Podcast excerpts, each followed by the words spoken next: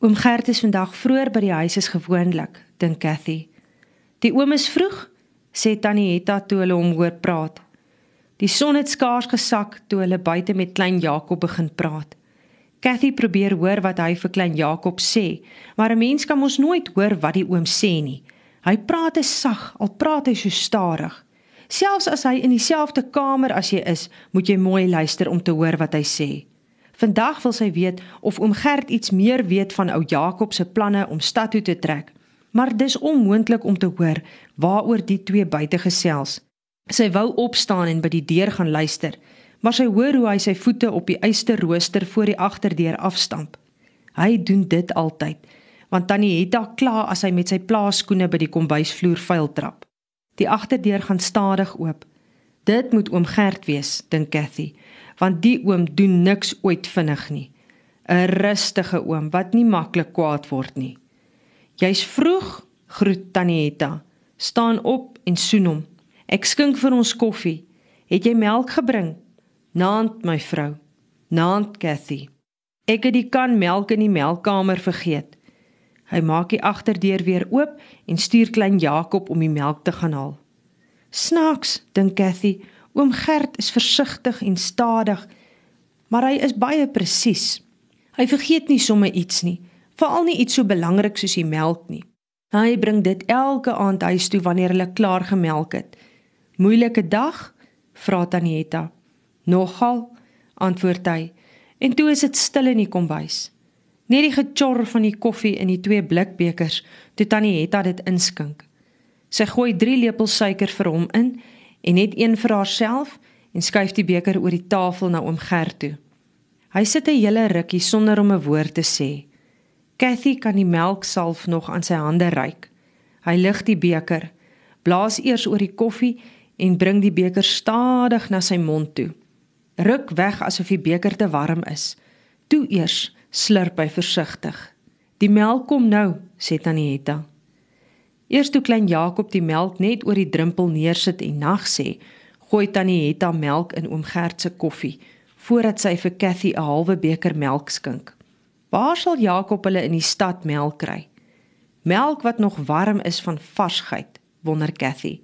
Sy glimlag toe sy onthou dat klein Jakob vanmiddag nog gesê het Daar is nie regte melk in Johannesburg nie, want hulle melk is in bottels met proppe, sê sy pa. Gaan oom Hendrik regtig 'n trekker koop, oom Gert? vra Cathy en vee die kielerige skuim van haar bolop met die agterkant van haar hand af. Haar keel is effens jukkerig van die lou melk.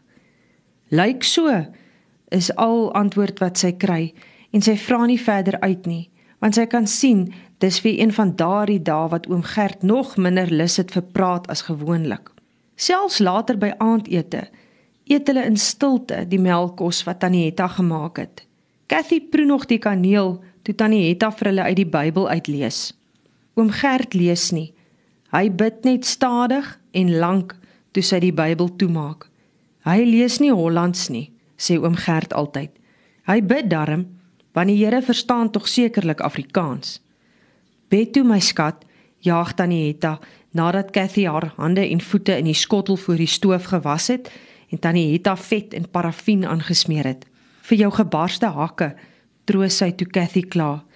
Nag tannie, nag oom, nag my kind, antwoord tannie Hetta.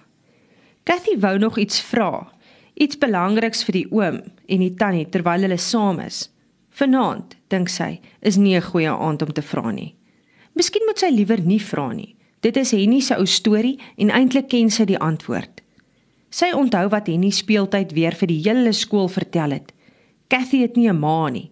Miskien het sy nooit eens een gehad nie, want daarvan is mos nie minnaar nie. Dis Marie en hulle moet hoor, sy sê vir ou Hetta tannie, nie ma nie. Tannie Hetta vra Cathy nogtans terwyl sy in die vrykamer se deur staan. Hoekom is tannie nie my ma nie? Jou ma is dood toe jy nog 'n babietjie was en ek het haar beloof om vir jou te sorg. Eintlik het die Here jou vir my gegee en die Here het my jou ma gemaak. En oom Gert, Cathy kyk na oom Gert, maar hy kyk net af op sy seningrige hande wat al donkerbruin gebrand is van die son, bruin met donkerder vlekke. Alles van die son, sê Tannie Hetta altyd. Vir jou is oom Gert ook die pa wat die Here vir jou gegee het. Henny sê my pa gaan my nooit kom haal nie. Hy sê as hy nog nie gekom het nie, sal hy nooit weer kom nie. Hy sal kom. Dit is wat hulle altyd sê. Ek wil nie meer hê hy moet kom nie. Cathy skrik amper vir haar eie woorde. Sy het dit al baie gedink, maar nog nooit hardop gesê nie. Tannie Hetta staan op en kom tot by Cathy. Sit haar arm om haar en druk Cathy styf teen haar sagte bors vas. "Hoe kan jy so sê, my skat?" Ek ken hom nie, is al wat Cathy sê. Ons vertrou op die Here, sê Tanietta.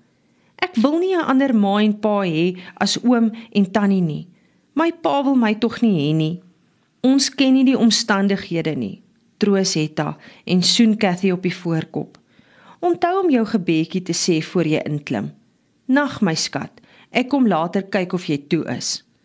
Cathy maak haar kamer deur agter haar toe, maar nie heeltemal nie want sy wil hoor wat die groot mense sê.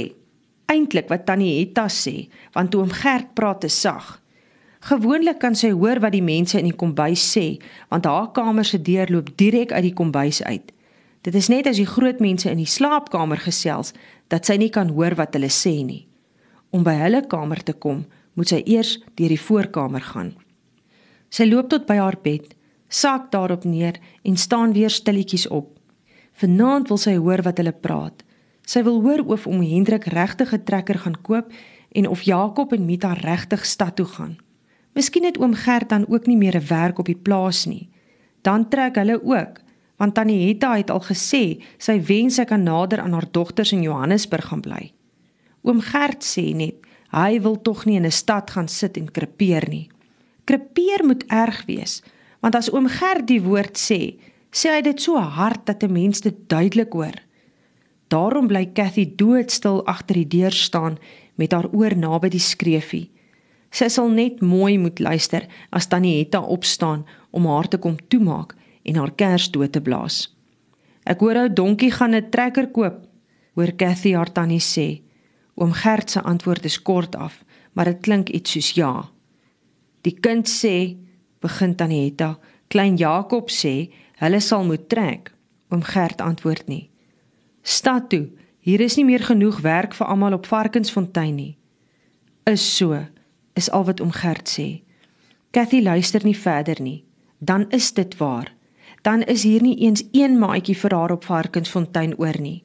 Net Jopie en dit help eintlik niks nie.